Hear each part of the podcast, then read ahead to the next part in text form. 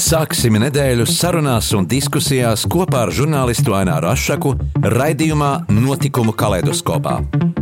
Ik pirmdienu, 2013. Radio Marija Eterā. Tiksimies ar amatpersonām, interesantiem cilvēkiem, runāsim par aktuālitātēm un ikdienišķām lietām. Gaidīsim arī klausītāju jautājumus Radio Marijas studijas viesiem. Ik pirmdienu, 2013. raidījumā Notikumu kaleidoskopā.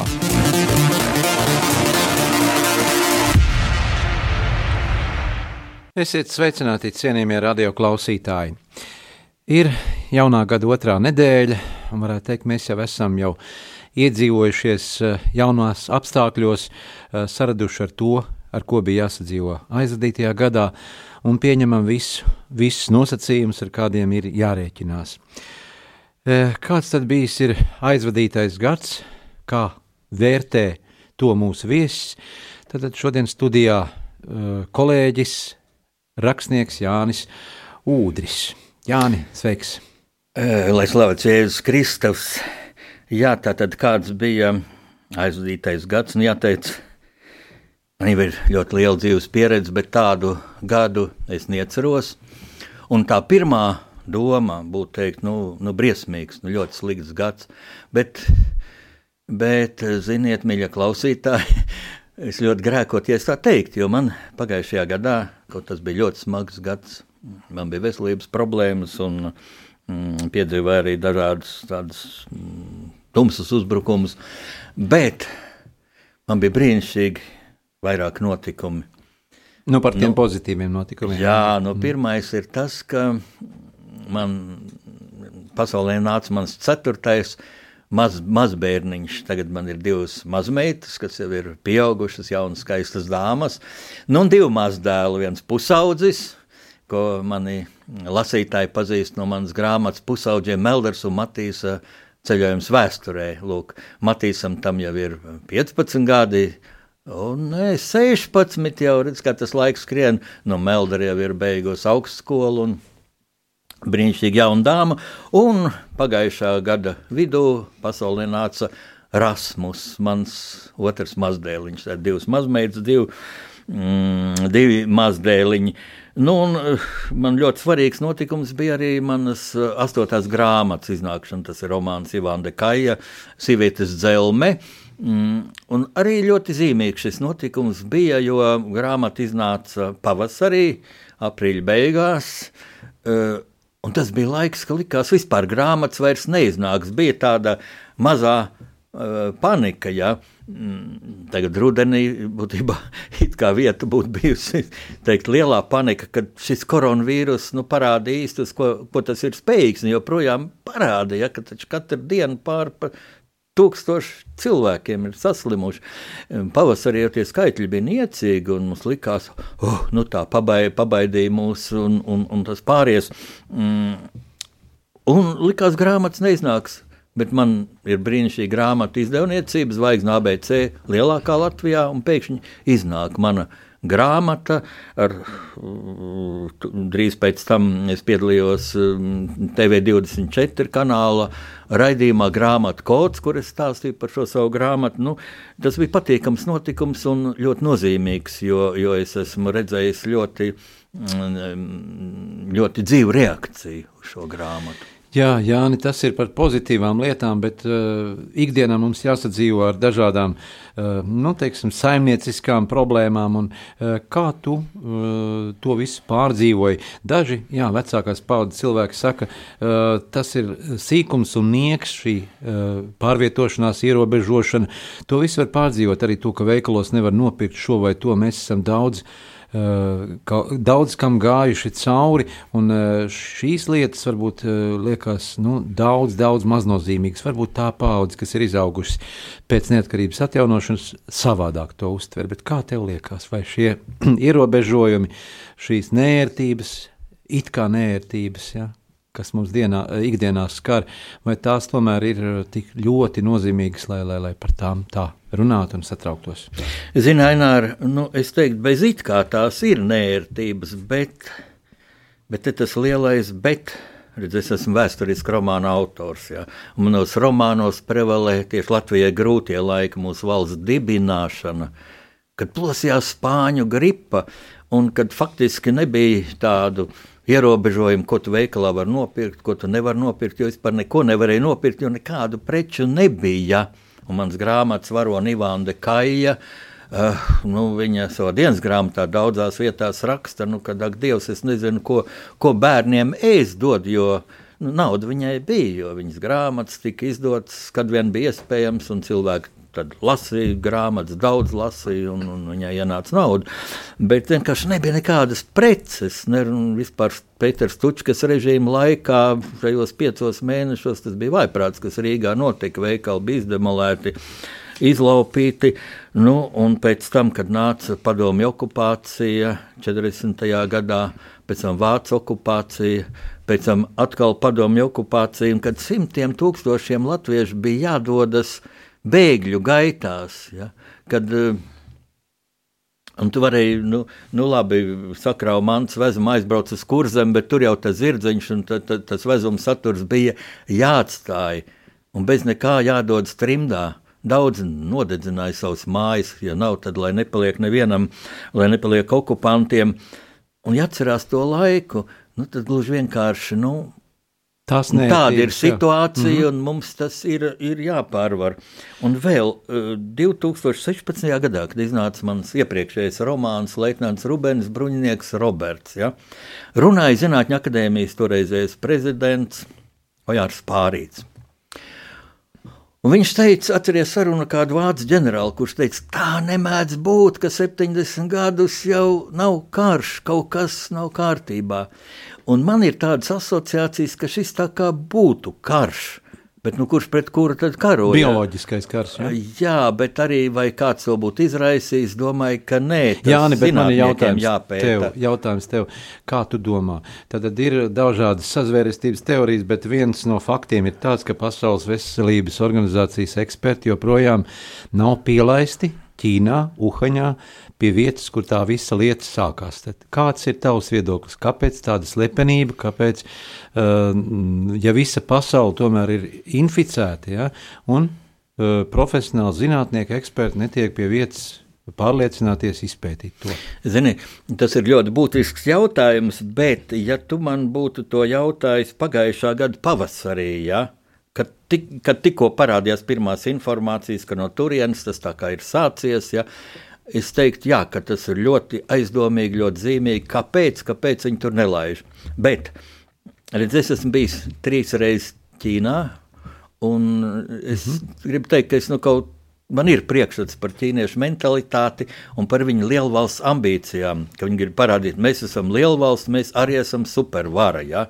Tā kā pasaulē bija Amerika un PSRS. Ja? Un tagad Krievija milzīgi grib, ka mēs tāpat kā PSRS. Nu, nav viņi tā kā PSRS, nav viņi tik bīstami rietumu pasaulē. Un, un, bet Ķīna ar savu ekonomisko varenību izgrib parādīt, ka mūsu vieta ir. Nu, Blakus Amerikai, varbūt pat priekšā viņai. Ja? Mhm. Un es domāju, ka tagad tas ir politiķu nu, ambīcijas, arī stratēģija parādīt savu lielu valsts tādu augstprātību. Nelaižam un viss, mēs neesam nekādi skolnieki, ko te var pārbaudīt. Un kas man liek arī tā domāt? Ķīnai ir milzīgi resursi, milzīgs potenciāls, ja viņiem būtu kas slēpjams šajā uhaņā. Ja? Tad viņi pa šo laiku, pa šiem mēnešiem, sen jau būtu to laboratoriju pārnesuši uz citu vietu. Viņiem tā nebūtu problēma. Ja? Šo slepeno laboratoriju mm -hmm. pārcelt citur. Vienkārši nē, mēs nelaidīsim un viss. Rēķinieties ar mums. Nu, tāda nekaunība pasaules priekšā, kuras nekādu nevaru akceptēt, tā ir nekaunība. Bet Nu, nevajag aizmirst arī, ka ir spēki, un, kas ļoti gribētu, lūk, ķīnieši ir vainīgi. Un tie ir teiksim, rietumu pasaules ekonomiskās intereses, tā sakompromitēt Ķīnu. Jā, aizvadītais gads arī mm, saviņoja Eiropu un Eiropas uh, pašā mm, vidū, varētu teikt, ir Baltkrievija. Un kur ir šis totalitārais režīms, joprojām darbojas ar, ar Lukašenko režīmu. Notika demonstrācijas, vēlēšanas bija diezgan tādas nu, falšas. Ja? Nu, kāds tavs viedoklis par to, ka, ka pašā teiksim, Eiropas centrā notiek joprojām tādas izreikināšanās ar cilvēkiem un nedemokrātiska attieksme pret, pret nu, cilvēkiem, kas faktiski bija miermīlīgā demonstrācijā piedalījušies? Jā, Nu, man bezgalīgi sāpīgi ir, jo es esmu bijis Baltkrievijā savā laikā, jaunībā. Vēl es izbraucu Daugavu ar smailīti visā mm. garumā, un tad pa Baltkrieviju man palika tāds ļoti sirsnīgs iespējas. Un, un Daugavu sākumā plūst pa Krieviju, ja, pēc tam pa Baltkrieviju, un iebraucot Baltkrievijā pat no upes var redzēt nu, milzīgu starpību. Tomēr tur arī padomju šī režīma laikā cilvēki dzīvoja labāk, jo strādāja čaklāk. Būtībā tur Daugaus krasts sākās apdzīvot, jo Krievija tur vienkārši pamestas tās vietas ir. Un, un ka prasīja, kāpēc jūs te nedzīvojat, kāpēc jūs neko neaudzējat, vai jūs nezināt, ka, ka bija karš kaut ko. Kara beigām bija 30 gadi pagājuši to laiku. Ja. Um, man ļoti žēl par Baltkrieviju, un man bija tāds gadījums šī gada tūkstoša sākumā. Es biju Polijā, tādā Kriņicas starptautiskā ekonomikas fórumā kā žurnālists, jau tad strādāju Latvijas vēstnesī, ārpolitikas redaktors. Un es šajā fórumā sastopu Suškeviču, demokrātiski ievēlēto Baltkrievijas prezidentu, tūdaļ pēc PSRS sabrukuma. Ja?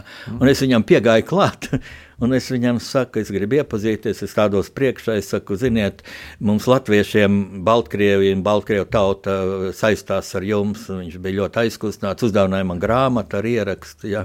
un vēl bija tāds komisks epizods, reiz viņa kundze man klāt. Vai jūs varat man pal mums palīdzēt, padomāt, jūs latvieši tādi gudri cilvēki? es aizcirtu mašīnai durvis. Ziniet, kā gadās nospiež podziņas arī šoferu pusē un aizcer durvis. Ja? Un, un Suškevičs atkal kā tāds no akadēmiķis un tāds viņš ļoti nepraktisks, viņš ne, nezin, ko darīt. Un es viņiem izstāstīju, ka vajag iet viesnīcā un, un teikt, lai sameklē šo te, nu, at, atslēdzāju. Nu, tādas firmas, ja mums arī ir, ja, kad nu, vienkārši at, atnāk profesionāls un čik, čik, čik un at, atslēdz mašīnu. Ja. Vai kā... tiem notikumiem Baltkrievijas nevar zināms paralēlis vilkt ar to arī brīvības uh, cīņu, ar kuru mēs um, nu, gribējām iegūt pirms 30 gadiem, jau tagad 91. gads, uh, 2001. gads, tieši 30 gadi kopš janvāra barikādēm uh, pagājuši, un arī toreiz bija OMON vienības, kas, kas uh, miermīlīgos iedzīvotājus iztrenkāja, pielietoja fizisku spēku, tāpat bija arī pielietot ieroči. Jā, vai šeit nevar vilkt tāds zināms paralēls, ka tauta ir arī Baltkrievijā, tomēr ir pamodusies? Nu, tāda. Jā. Paralēlis ir ārkārtīgi spēcīgas, un es arī no Baltkrieviem esmu dzirdējis, ka viņi ļoti augstu vērtē šo Latvijas pieredzi, bet, bet ir daži faktori, kas nāk Baltkrieviem par sliktu, kas mums bija par labu to laiku, un tiešām jāsaka, ka Dievs mūs sargāja. Nu, viens arī, ka Baltkrievijā nebija šis, šie divi gadu desmiti, kas mums bija brīvā mm -hmm, Latvijā jā. pirms otrā pasaules kara. Jo, jo Bal Baltkrievija, jā, Baltkrievija bija viena no tām trim republikām, kas nodibināja šo PSRS, jā, tur Krievija, e, Baltkrievija, Ukraina, e, ka jau bija, bija Krievija okupējusi. E, tas ir viens, otrs, cilvēku psiholoģiskais noskaņojums. Mēs redzam mm, video kadros, reportāžās.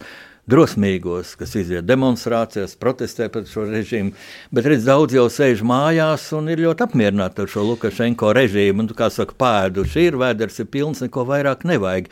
Mēs latvieši bijām vienotāki. Bet ir vēl viens moments, ko es ļoti gribu pateikt, ka mums nāca par labu barikāžu laikā tas, ka režīms bija ļoti apjuts. Un es dzirdēju mm, interviju uh, mūsu pirmajā kanālā, viens pret viens, un ar Reidera raidījumā runāja šis. Mm, kā sauc bēdīgi slavenais uh, Krievijas televīzijas žurnāls. Ņevzorovs. Ņevzorovs, jā. Mm -hmm. Un viņš tagad ļoti izmainījies. Viņš gandrīz teica, ka viņš tā kā latviešiem gribētu atvainoties par tiem mhm. meliem, ko cēlīja. Vienīgi, lai, lai viņa to draugu, bijušo omoniešu komandieru rehabilitē, lai nevajā. Ja, un, mhm. un, un tā tad viņš varbūt latviešiem atvainotos. Bet režīms bija ļoti atpūts. Viņa Zoros pats teica, ka vienīgi šie Rīgas omonieši visā padomju impērijā bija vienīgie, kas to režīmu sargāja. Jo armija vienkārši bija izbadējusies un, un, un un, un, un negribēja šo režīmu aizstāvēt. Neviens neaizstāvēja šo režīmu, vienīgi Rīgas Somons. Bet eh, janvāra barikāžu laikā arī Jā. gāja bojā vairāk cilvēku, cilvēdzīvotāji, kino operatori, žurnālisti. Ar šodienas acīm skatoties, kā tu domā, um, vai viņi, uh, nu, ko viņi teiktu šodien, jā, ja viņi varētu piecelties un teikt, jā, mēs tiešām cīnījāmies un mēs tiešām izcīnījām to, ka, to, ko mēs gribējām, vai mēs esam sasnieguši šo ceļu gājumu, par kur mēs tiešām gājām. Zini, ko, ja tā... Lielās līnijās ņemot, jā, mums ir tomēr uh, valsts, mums ir karoks, mums ir himna, nu, bet tomēr, bet Nu, es teiktu, ka mēs esam sasnieguši ļoti daudz. Pirmkārt, mēs esam sasnieguši drošību. Ja mēs esam, es nosaucu pirmo NATO, NATO kas tas svarīgākais. Nu, un Eiropas Savienību. Pastīsimies, kā tagad Anglijam ies, ka viņi izstājās. Angļija ir liela valsts. Es vakar skatījos televīzijā tieši filmu, kā šis Brexits tika gatavots. Mm -hmm. Kādi psiholoģiski dziļumi un izanalizējot eh, šos Facebook un citus sociālos tīklus un atrodot, ka apmēram trešā daļa cilvēkam viss ir vienalga, ja, un tad viņi tur tos, kas ir par Eiropas Savienību, neiztiek, nevirs propaganda uz viņiem, tos, kuri pret arī tie balsos pret. Ja? Tad, tur bet, inertums tu, ir. Bet inertums. to lielo jautājumu mm -hmm. zīmi, ja, un tas nozīmē, cik cilvēki ir manipulējami. Un vēl par Baltkrieviju gribu teikt vienu lietu. Ja? ka mums, pret mums bija Rīgas omons, bet uh, man ir uh, nu, fakti daudz kom kompetenti cilvēki ir teikuši no militārām aprindām. Mm ka tur darbojas ne tikai Baltkrievijas somons, ka tur no Krievijas ir speciāli sagatavoti cilvēki iesūtīti, ja, lai terorizētu. Un vēl viena ļoti svarīga lieta, kas man ļoti derdzīga likās. Ka, lūk, tagad ir sākta vakcinācija, ja, un šīs maskas mhm. jānēsā. Ja. Mēs šeit, rādījām, arī Latvijas studijā, arī ievērojam visu piesardzību. Mēs ļoti tālu viens no otra sēžam, ja es ceru, ka dzirdamība ir laba. Bet, uh, Es lasīju, nu, mūsu sociālai tīkli ir pilni arī ar demagoģiju, ar meliem. Iespējams, ka arī šie rakstītāji tic varbūt pat paši tam, ko raksta. Nu, ir gan kas tic, gan kas netic. Un viens no piemēriem ir tāds, nu, kā tā Baltkrievijā šais demonstrācijās, kādi tur divi metri, kāds tur, kas tur cilvēki vienā masā, ka viņi sāk daudzīt, tad tur viena guļ gar zemu un cita viņas sit ar stekiem, un kā tad cilvēki nesaslimst, ja neslimo. Un šie rakstītāji, nu tā nu gan ir demagoģija. Kur tad teikts, ka neslimo? Tas, ka nerāda televīzijā, ka neraksta to avīzēs, nu, bet, protams, taču nu, visi mēdīji ir zem Lukašenko režīma. Eh, režīma cenzoras rungas. Jā. Un, un, un, un ja viņi nodrukās tur, kad, cik saslim, nu, pirmkārt, tādi skaitļi netiek tur publicēti. Tas režīmam nav izdevīgi. Jā, Jāni, mums tagad ir muzikāla pauzīte, bet pirms muzikālās pauzes es gribētu palūgt tev um, pakomentēt. Pirmā dziesma būs mūsu maistro dziesma, Raimonda Paula dziesma. Ja? Jā, nu. Rītdienas jubilārs. Es citu. savādāk, vienkārši man nevar smut savādāk dziesmu Maestro. izvēlēties, jo rīt taču ir uh, Raimonda Paula lielā jubilēja 85 gadi. Neticami, es domāju, tā ir liela tā dieva svētība. Jā. Pirmkārt, mūsu tautai, mūsu nācijai. Un to tikai laikam ģēnijs, mana pirmā ģēnijs. pēckara paudze var novērtēt, ko nozīmē visvairāk padomju okupācijas laikā, mm -hmm. ko nozīmē Raimonds Pauls. Ja? Un es skatījos tikko filmu, ja? televīzijas filmu par Raimondu Paulu. Un viņš dabīja, kā jau Pauls ir Pauls, viņš sev tā stipri paškritiski tā novērtē. Nu, kas nu sanāca, kas nesanāca, ir jau kas man slavē, ir kas ne. Es teiktu, nu ir jā, kas Pauli noķēngā, viņi jebkuru spilgtu personību noķēngās, ja viņi paši ir nerealizējušies spēlēcības, viņi mm. nīst visu pasauli, un tādi ir bijuši un būs.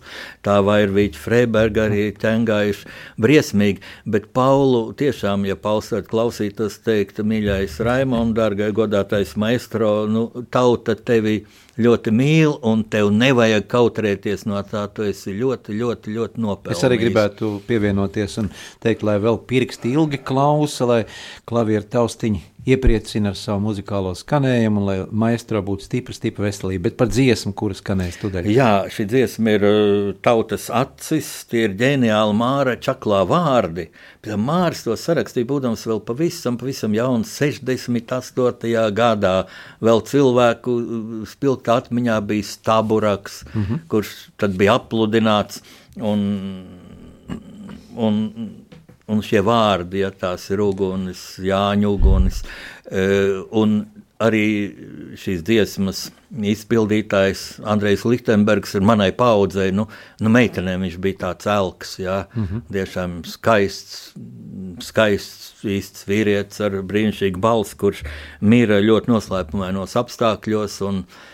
Mēs tā sakām, sazvērstības teorijas tā šeit mm, tie apstākļi bija tik mīklaini, kā pašnāvība, ka man gribās viņu saukt par eh, padomu režīmu upuri. Pat ja viņš pats tiešām izdarīja to pašnāvību, pakārās, tad režīms viņu iedzina tādā strupceļā, kad Jā. bija aizliegts atskaņot radiofonam viņa dziesmas.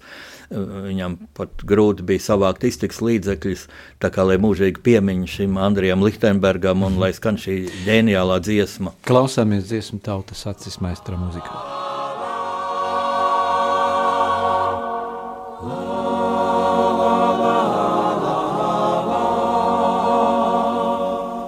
Mana tēva un māte zeme. Atkal plosti padaugavu slīd, un no plostiem un pakalniem spītīgās šaujas ugunis jaunas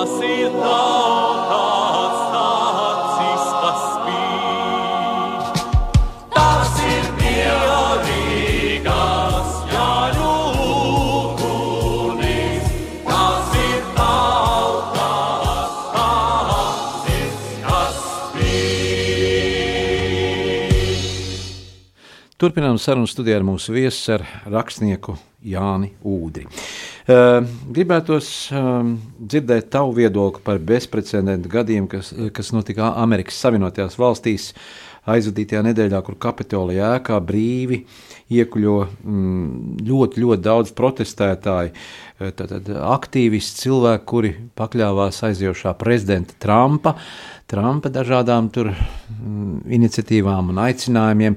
Nu, kā tas varēja notikt, ka tā ēka, kurā tur ir visaugstākā drošības sistēma un aizsardzība. Un, un Amerikā tādi pūļi cilvēki, nav drošības dienas, nav, nav nekāda uh, aizsardzība ievērota. Vai, vai, vai tas arī tika pieļauts no, no, no, no nu, Jā, viņiem dota tikai zaļā gaisma, lai tā darītu. Ziniet, es esmu bijis tajā ēkā iekšā. Kapitolā, ja, tas, bija, jā, jā, jā, tas bija 1996. gadā. Vēl bija mums valsts prezidents Gunts Ulmans. Viņš saņēma vienu augstu apbalvojumu kopā ar Lietuvas un Igaunijas prezidentiem. Un, un tad arī tie apmeklējumā viņam bija kapitolija apmeklējums, tur, mm, nu jau mēs žurnāls, kas viņu pavadījām, arī tur bijām, tur ļoti stingra drošības pārbauda, bet tik viegli jau viņi neiekļūt, tas pūls, viņi tur jau apsardz pretojās, un ir vairāk cilvēku arī, arī gājuši bojā. Bet, lai to raksturotu, nu, zināms, tāds šoks. Un Man nāk prātā, es šais dienās redzēju vienu karikatūru, ja, kur ir brīvības statuja uz Bedlo salas. Es arī tur esmu bijis, cildena tiešām statuja. Un šī statuja, kas tur lāpa rokā šajā karikatūrā, ir tā lāpa, tā sieviete skulptūra, ir aizlikusi abas rokas priekšā sejai aiz kauna, Amerikai kauns. Jā, tas ir Amerikai kauns, un tad man nāk prātā, kāda izcila prezidenta Amerikai bijuši, nu, mans dzīves laikā, mm, es atceros Džonu Kennedy. Roosevelt. Nē, bet, nu, tam, jā. jā, jā, bet nu, Roosevelts mīra, kad es nebiju piedzimis. bet, lai gan vienā gadā, jā, Roosevelts mīra, un es piedzimu, daži mēneši bija bez mums abiem šī pasaule. Bet Džonu um, Kennedy es atceros um, šo Kubas krīzes laiku, ja, kad Kenedijs izglāba pasauli no trešā pasaules kara. Uh, Patiesībā man bieži liekas, ka šis koronavīrus ir trešais pasaules karš, un tad jāteic, nu, nu labi, ka tas ir tāds, mhm. teiksim, ka tomēr ar ļoti maz cilvēku upuriem. Arī Ričards Niksons, tās bija vēst, nu, nu tie bija Niksons sakompromitējās, jā, bet Kenedijs, Kenedijs tieši, jā, vai, vai Bils Klintons, kurš bija Rīgā, un, un kuram es pāris vārdus pateicu, ka viņš gāja garām mm -hmm. tautai, tā teikt, un ar žurnālistu tur bija, un es viņam teicu, thank you, Mr. President, for support, but be careful with Russians, don't trust them. They're very deceitful, tas ir paldies, prezidenta kungs, par, par atbalstu Latvijai, bet uh, neuzticieties kri, Krievijai, viņi ir ļoti viltīgi, blēdīgi. Bet tā tad par Trumpu.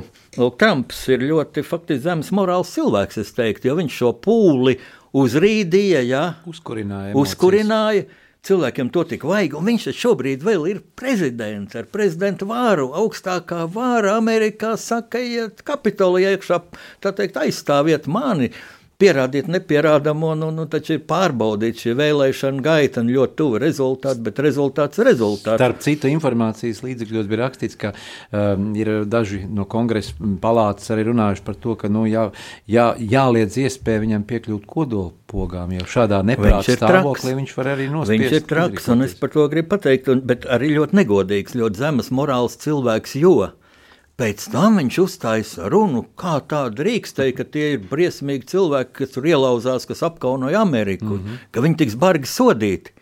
Un pēc tam atkal viņš bez maz vai rīd uz to pašu, un tas tiešām ir trakais. Un man viņš sauc atmiņā Nikitu Hruščovu. Jā. Kurš arī bija traks.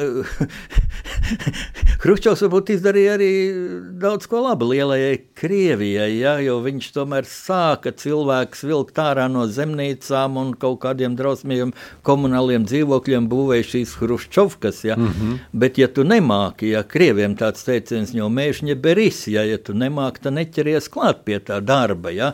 Un, un, un, un viņš domāja, ka viņš visu māca, viņš mācīja akadēmiķus, kā vajag lauksaimniecību un tā. Nu, diemžēl, diemžēl viņu novāca ne uz demokrātijas, bet galma apvērsumā tur Brežņevs ar, mm -hmm. ar savu kliķi. Un te man gribās. Mm, teikt tādu lietu, ja nu, Amerika ir it kā tālu, tas mūs it kā neskar, Lai gan būtībā skar Nu, tie tādā tomēr, ziņā, ka jā. mēs esam ļoti interesēti stiprā, stabilā Amerikā. Nu, noteikti, noteikti NATO daudz, da, daudz lielāka stabilitāte būs ar šo Baidenu, kurš ir karjeras politiķis, ja labā nozīmē. Viņš ir karjeru taisījis visu mūžu, viņš nodarbojas ar politiku, atšķirībā no Trumpa, kurš ar, no biznesa ar savu milzīgo naudu tur ielec, un, bet kurš, kuriem iedzimta kaut kāda demagoga spējas, viņš prata šo pūli, pūli nu, aizraut sev līdzi, ka nobalsoja par viņu, kad viņu ievēlēja pirms četriem gadiem. Es neticēju, kā tas ir iespējams. Bet bija iespējams. Jā, bet tas arī parāda to, ka sociālajiem tīkliem ir ļoti, ļoti liela nozīme. Tas gan parādās gan šeit, gan citur pasaulē. Nu. Eh, Sociālie tīkli nu, aizķer, aizrauj, un, un, un arī tāpēc jau Trumpam tika Twitter konts atslēgts, Facebook atslēgts. Milzīga nozīme, jā, bet te es gribu teikt, ka šis mm, koronavīrus, šī pandēmija eh, ļoti izfokusē politisku atbildību. Cik milzīga atbildība ir politiķiem, un te es gribu pāriet uz Latviju, kur cilvēki bieži jauc šos jēdzienus, un visi ir tik gudri par šo koronavīrusu, bet situācija ir ļoti nopietna, ļoti nopietna. Un es redzu, personīgi es redzu tādu hierarhiju ja, šobrīd, ka šajā koronavīrusa jautājumā prioritāte ir speciālistiem. Visi domā, ka viņi ir speciālisti. Kur tu to esi mācījies, kā tu to zini? Ja? Manā raidījumā, mm, mm, kad tas bija pēdējā novembra raidījumā, runāja bioloģijas zinātņu doktore Baiba Niedrotomēra, brīnišķīga sieviete. Viņa, diemžēl, aizgāja no zinātnes par labu ģimenei, viņai četri bērniņi ir brīnišķīga sieviete, bet viņa zinātnē, doktora bioloģijas. Un es viņai vēl jautāju, vai tev nav žēl, tagad, ja, kad, cik tagad bioloģija ir aktuāla šo, šīs vakcīnas izstrādājot tā. Nu, viņa gatavojas laikam kādu publikāciju sociālajos tīklos likt tā, lai atspēkot šo demagoģiju par, par vakcīnām, ka tās ir bīstamas, tās ir kaitīgas, ka nevajag maskas. Viņa apstiprina visu to vajag, viņa arī kā speciālisti. Ja? Nu, un tad nākamais būtu politiķi, politiķi jā, kuriem ir jāpieņem šie lēmumi, bet viņi nedrīkstētu ignorēt speciālistu norādījumus. Viņi arī to it kā dara, bet kā viņi dara? Šajā lietā nedrīkstētu būt sīkumi, ja? bet es minēšu pāris sīkumus, kur man liekas noziedzīgi. Es nejauši uzslēdzos vienā televīzijas kanālā uz reportāžu, dzīvā reportāžu pie tam mm, kameras pie šī asins donoru centra brīdī, kad atved šīs vakcīnas. Ja? Un, zin, es biju mēms, es skatos, jo es tālāk skatos, jo es vairāk brīnos. Piebrauc šī smagā mašīna, šis furgons, ja, kur ir vakcīnas. Pa priekšu kaut kāda viegla mašīna, nezinu, varbūt tur arī pat viņķeli sēdēja, bet pa priekšu tur vajadzēja braukt policijas eskortam. Jo mēs zinām, kā, kā mūsu auto, kā mūsu šoferi brauc. Man ir tiesības no 80. gada. Cik man nav bijušas avārijas situācijas, ka kaut kāds trakais izbrauc priekšā, vai viņš nav pie pilna prāta, vai viņš. Un tā krāva var tikt bojāt. vai ne? Jā, pie tam bija slidens. Šī Mhm. mm -hmm. mašīna bremzēja, šis furgons, un viņš vēl kādu pusmetru paslīd ielas malā uz priekšu. Ja? Jā, un pie mums ir arī, diež, diemžēl, ir tādi spēki, ka tad tautas varas fronte, kas aicina uz dažādiem mītiņiem tieši pret māskām, pret, pret uh, vakcinēšanos, nu, bet uh, tomēr jāņem vēlās, vērā šā vai tā speciālisti viedoklis, jāklausās infektologos, virusologos. Mums jārēķinās, ka uh, ir ļoti spēcīga piektā kolona šeit Latvijā. Iespējams, ka šo kolonu Nevis iespējams, esmu pārliecināts, diriģē no Maskavas, ja turpat Lubjankas laukumā, ja, kur kādreiz bija Džeržīnska piemineklis, tad piemineklis nav, bet tā būtība jau nav mainījusies, un tur noteikti ir diezgan liels kabinets ar, ar, ar Latvijas nodaļu vai un, un kaut kādu Baltijas uh, valstu nodaļu, kas, kas strādā pret mums. Ja. Nu, ir arī muļķīši, kas vienkārši brēc, jo tas jau ļoti labi bļaut pret, ja, cik es esmu gudrs vai ne, un es par brīvību un Jā. par demokrātiju, un, un Baltkrievijā lūk neviens neslimo, kaut nestāgā maskām, nu tādas muļķības, bet runāsim tālāk, ja ne jau tas, ka nebija policijas eskorts tikai. Neviens uz ielas pat nesagaidīja šo mašīnu, un es to asins donoru centra māju labi zinu, jo es esmu ilgus gadus bijis donors, un tā skaitā gāja arī uz to māju nodot asins. Šis furgons iebrauc pagalmā. Pēc tam viņš atpakaļ gaitā dod ārā, jo kāds viņam tur pateica, ka viss durvis ir ciet, un tu tur lasies prom. Ja? Mm -hmm. Un tikai tad viņš piebrauc pie fasādes. Un tikai tad tas šofers tur vācietis ja, izkāpa ārā, stangām nokniep plombi jau un mm -hmm. iekāpa iekšā un tur sāk tur. Un, un tad žurnālisti izkadrēja, kā tur tās tā vakcīna stāv. Ja, un tad iznāk ārā divi, divi puiši, vai ne sarkanos kombinezonos, acīm redzot, mūsu asins centra darbinieki un ienes iekšā tos konteinerus. Ja? Jā. Bet, un, un kur ir ministrs kundze toreizējā, nu, viņa ar masku, skaisti vai ne, tur nopauzē televīzijas kamerā, viņa stāv tur iekšā. Es jau nesaku, ka viņai vajadzēja skriet lūk tur tai mašīnai pa priekšu pa ielu. Ne, ka viņai vajadzēja stāvēt uz ielas un teikt, šeit piebrauciet pie fasādes. Viņai vajadzēja kādam teikt, ejiet tur, no, norīkot kādu, ej tur, pārbaudi, vai tur sagaidi to mašīnu. Nē, Un tad, kad viņi tika intervētāti, kāpēc uz, uz šiem ja, gadu mijā, ja, kāpēc pēkšņi šī vakcinēšanas nu, apjoms sarucis? Plāna nebija. Uh, plāna nebija, viņa, bet tur bija teikts tā, ka nu, bija taču svētki. Nu, piedod, tā ir infantīla skolnieka atbilde. Un te es gribu pateikt tādu formulu, ja? un es gribu klausītāji tiešām mēģiniet atcerēties, un nekas sarežģīts nebūs par politisku atbildību, uh, ko man viens ļoti gudrs cilvēks pateica. Un tur bija tā, ir cilvēki, jā, kur... jā, mums ir arī viena vien tāda piezīme, kritika, cik uh, tomēr mums vajadzētu saglabāt arī tādu politisku neutralitāti. Ēterā. Uh, varbūt uh, Turpināsim ar muzikālu pauzi. Nē, nē es gribu pateikt, ar politiski ļoti neitrāli. Jā. neitrāli jā. Es varu iedomāties, kas to, kas to uh, saka. Mm, es neskaršu nevienu politisku partiju, bet šī formula attiecas pilnīgi uz visiem. Jā. Protams, tas ir tā, ka lūk, ir cilvēki, kas var, un viņi zina, ka viņi var. Un tas ir brīnišķīgi. Šādi cilvēki mm -hmm. ir vajadzīgi katrai valstī. Tādiem vajag būt valsts augstākajos amatos. Ir cilvēki, kuri var, bet viņi nezina, ka var. Lūk, vēlētājiem vajag viņus saskatīt, mm -hmm. vajag izvirzīt, vajag teikt, ej, tu vari. Jā. Tālāk, uh, pagaidi, pagaidi, es otru pusi vēl nepateicu. Ir cilvēki, kuri nevar, bet viņi zina, ka viņi nevar. Un tad viņi neiet tur, kur viņi nevar. Viņi izvēlas citu profesiju. Jā. Bet ir ceturtais punkts vēl. Ir cilvēki, kur nevar, un viņi nezina, ka viņi nevar. Un, lūk, tas ir tas briesmīgākais. Un šis koronavīrusa epidēmijas laiks to ļoti izgaismo. Gan Amerikā, kur, paldies Dievam, prezidents aiziet, gan arī pie mums Latvijā. Jā. Un dod Dievs mums, lai mums būtu cilvēki, kuri var un zina, ka viņi var, vai arī ka mēs pasakām, ka Jā. viņi var.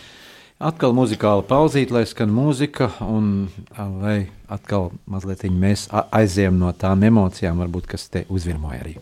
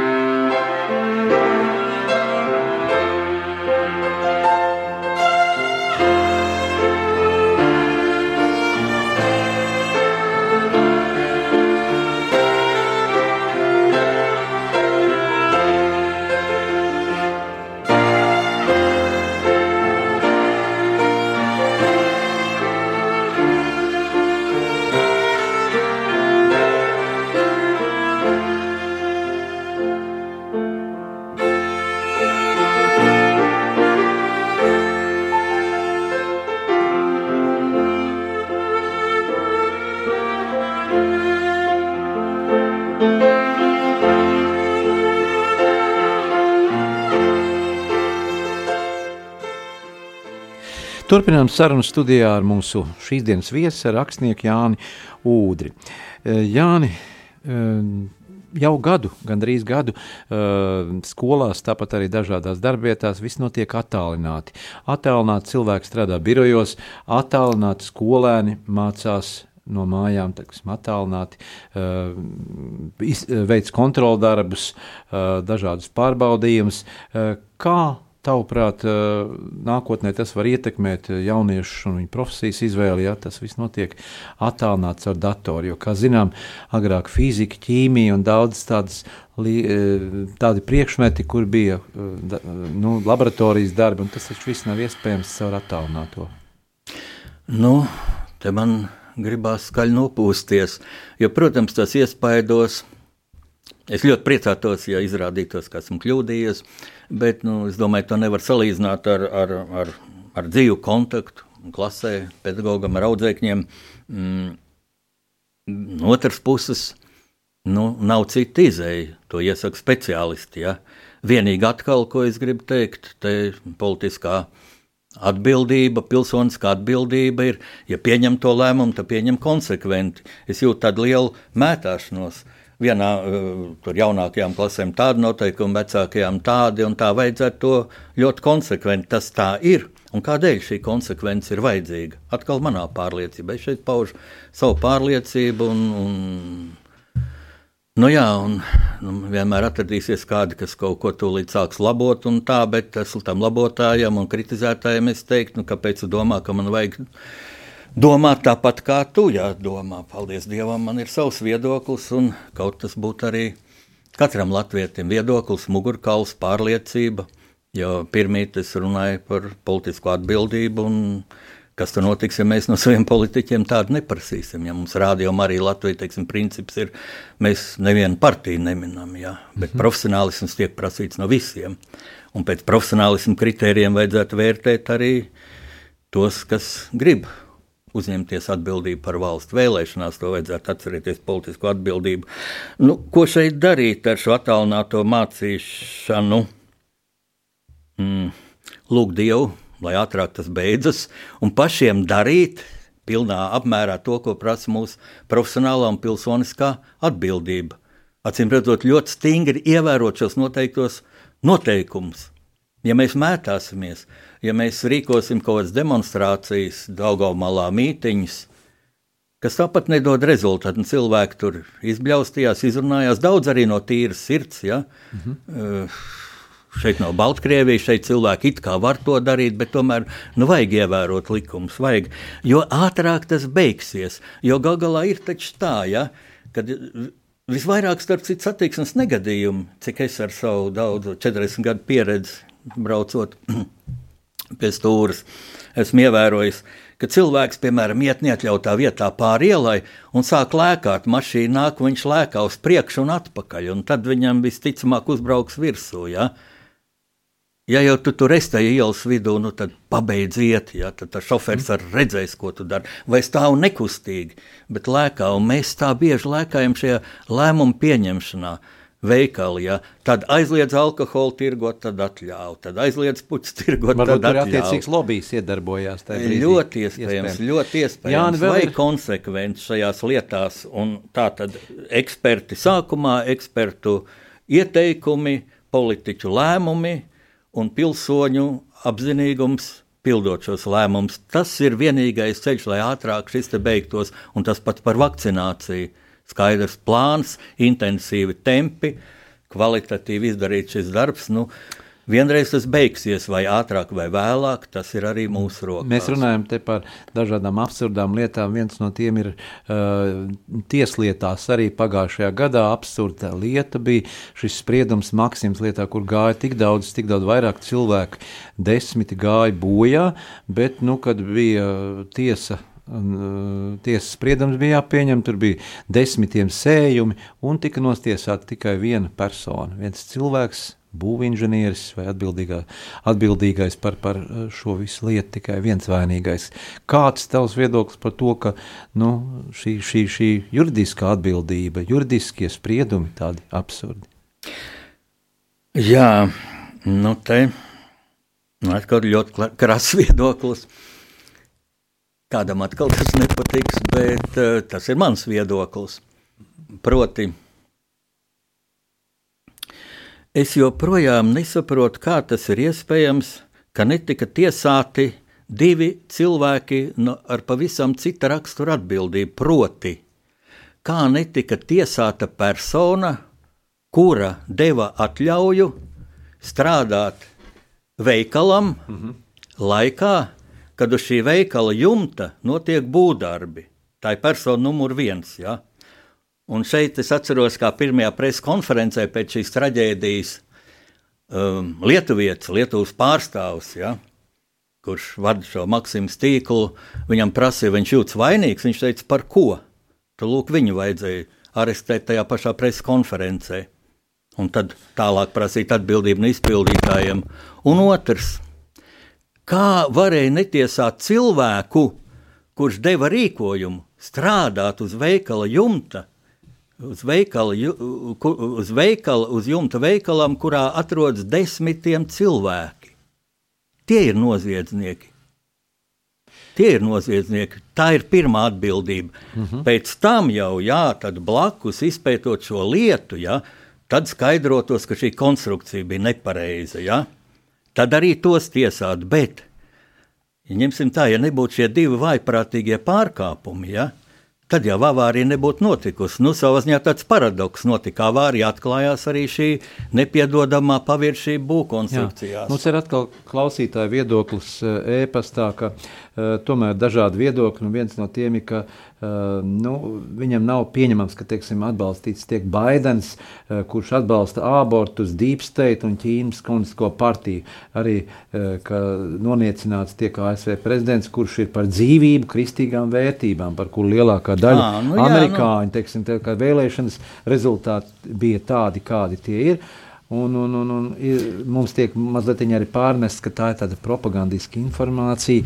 Arī es nezinu, vai, vai to visu vajadzēja lasīt, jo tas ir ļoti skaidrs, ka tiek lobēts uh, Interesi. Trumps un šādi cilvēki netrūkst. Un, un, un, lai viņi ir, pie mums ir demokrātija, bet demokrātija attiecas arī uz mani kā rakstnieku šobrīd, kas ir pie Rādio Marija Latvijas mikrofona. Mm -hmm. Ja? Nē, katram ir tiesības, protams. Varbūt tas ir Amerikas pilsonis, kurš, kurš Varbūt. balsoja. Es zinu, ka, ka Latvija ir Amerikas pilsoņi, kur gāja uz uh, Amerikas vēstnieci un balsoja par Trumpu. Nu, lai viņiem veicas. Jā, nu. aizvadītais gads bija tev jubilejas gads. Un, uh, kādas tavas uh, pozitīvās atmiņas no, no šī notikuma, kā uh, tu nosvinēji savu jubileju?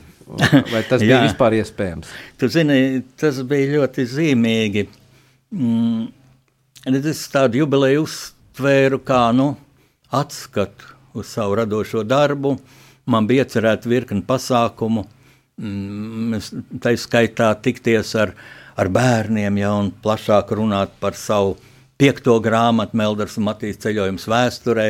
Tad pagājuši septiņi gadi. Uh, Matīsiņš ir izaudzis 1,90 m garākais puisis savā klasē. Um, nu, to visu vajadzēja atlikt. Ja? Tas bija tāds uzvedums, kur iesaistīt bērnus, mūziķus mazos un tā. Um, un iznāca, ka es pats tajā jubilejas laikā atrodos slimnīcā un gaidīju operāciju. Un,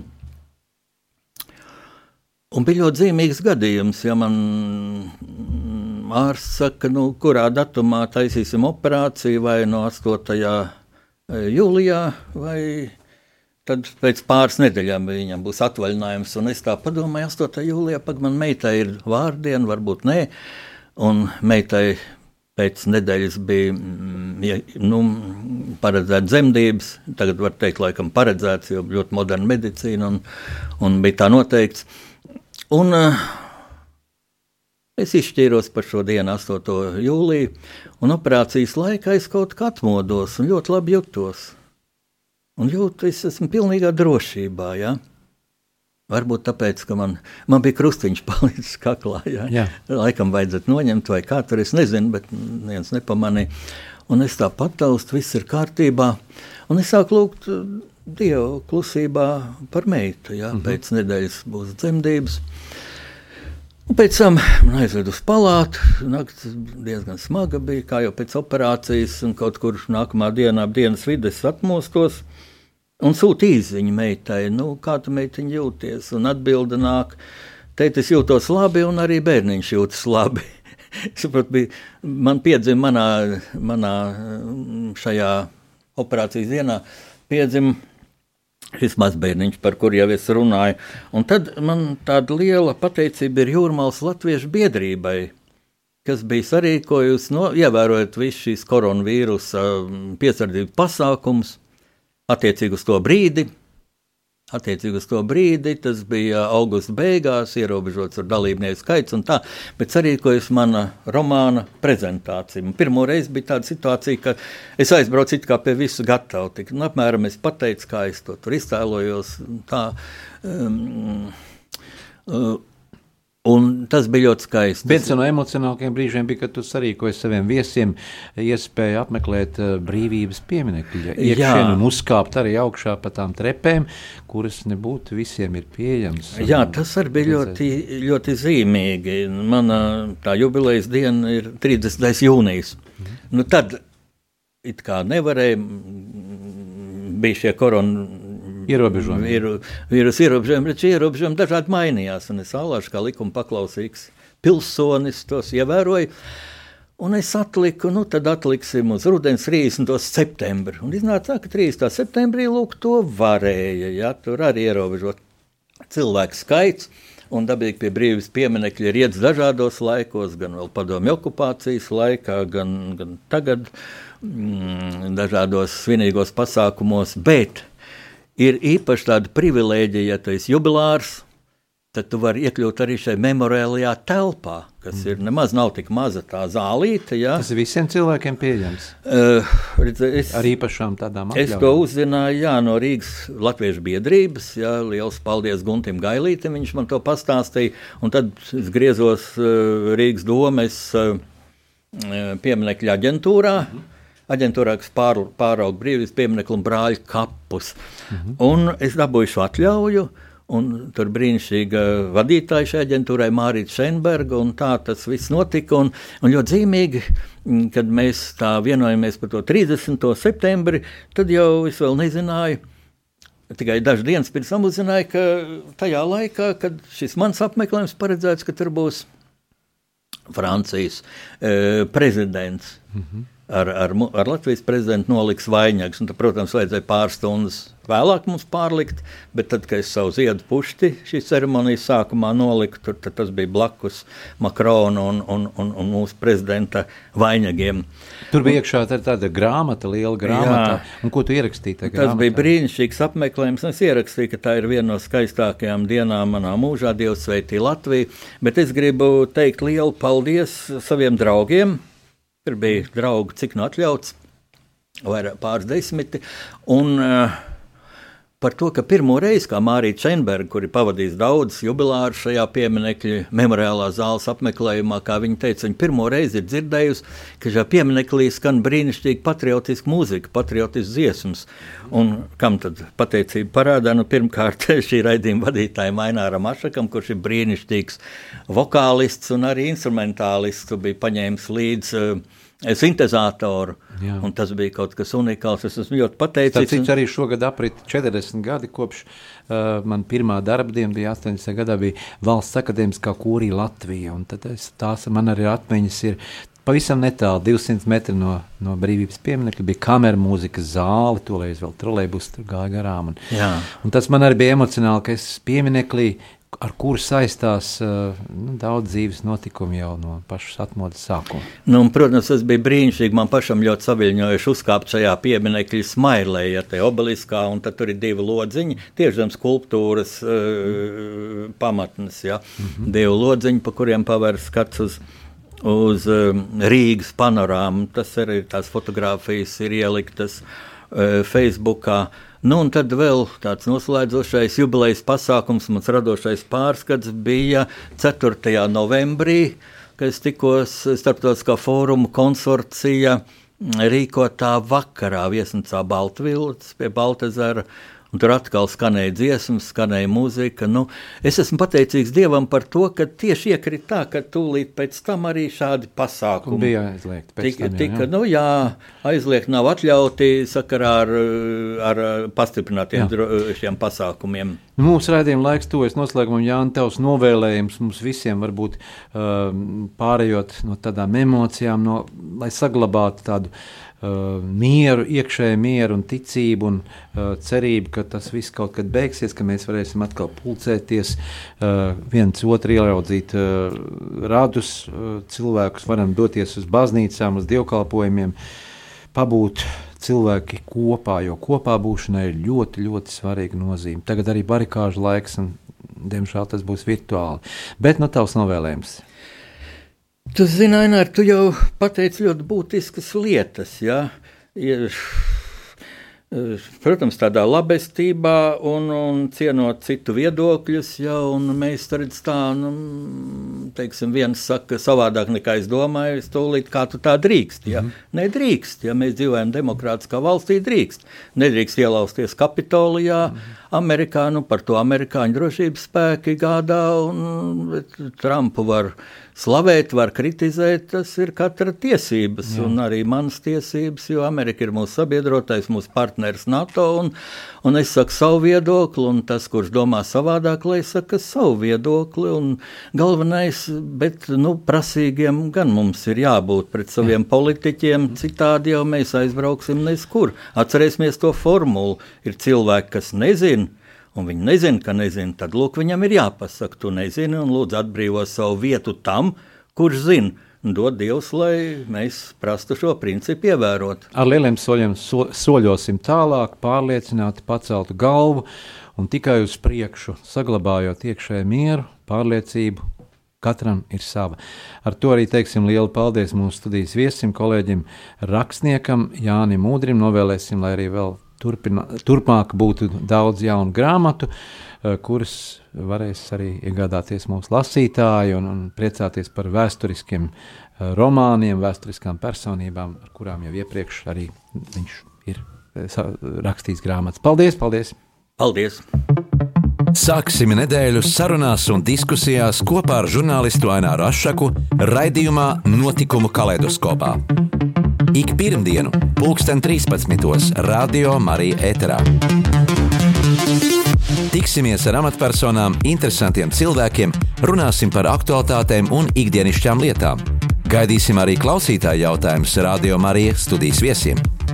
Ik pirmdienu, pulksten 13. raidījumā Notikumu kaleidoskopā.